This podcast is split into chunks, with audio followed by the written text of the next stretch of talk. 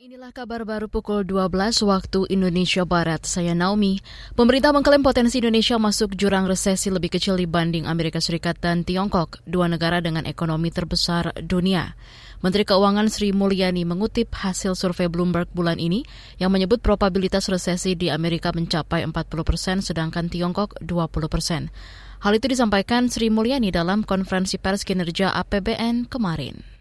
Jadi kita lihat di berbagai negara yang mereka dihadapkan pada dilema kenaikan inflasi tinggi dan pengetatan moneter dan kemudian akan menyebabkan perlemahan ekonomi mereka, mereka dihadapkan pada kemungkinan munculnya resesi di negara tersebut. Indonesia dalam hal ini probabilitas untuk resesinya adalah menurut survei tersebut 3 persen. Tentu kalau dibandingkan dengan negara-negara tersebut jauh lebih kecil. Meskipun demikian kita tetap terus harus waspada. Menteri Keuangan Sri Mulyani menambahkan Indonesia harus mewaspadai kebijakan moneter di negara-negara maju. Apalagi saat ini semua indikator ekonomi dunia mengalami pembalikan dari pemulihan menjadi pelemahan. Indonesia berpotensi terkena imbasnya. Bekas Bupati Tanah Bumbu Kalimantan Selatan Mardani Maming akan mendatangi Komisi Pemberantasan Korupsi KPK hari ini. Dia berjanji akan menyerahkan diri usai ditetapkan sebagai buron.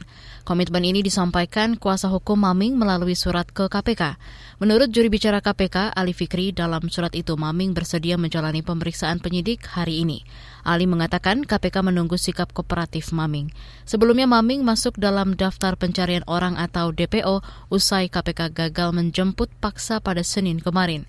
Politikus PDIP itu diduga menerima suap seratusan miliar rupiah terkait pemberian izin usaha tambang di Kabupaten Tanah Bumbu, Kalimantan Selatan. Komisi Pemilihan Umum KPU menunggu kejelasan status daerah pemilihan dapil khusus Ibu Kota Nusantara IKN. Hal itu bisa diperjelas melalui revisi Undang-Undang Pemilu.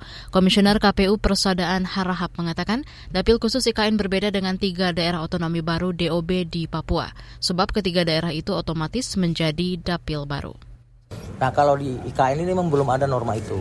Artinya pemilu mungkin ada tapi belum bisa dipastikan apakah di 2024 itu sudah dilakukan karena pasti beda kan situasi kondisi konsep yang mau dirancang di sini. Nah, cuman yang jelas IKN ini kalau memang nanti itu terakomodir di undang-undang pemilu, karena kan kita KPU ini kan pelaksana undang-undang.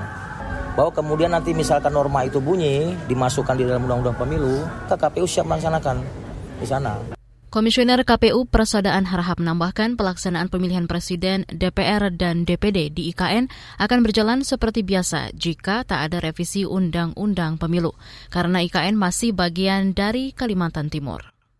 Demikian kabar baru KBR, saya Naomi Liandra undur diri.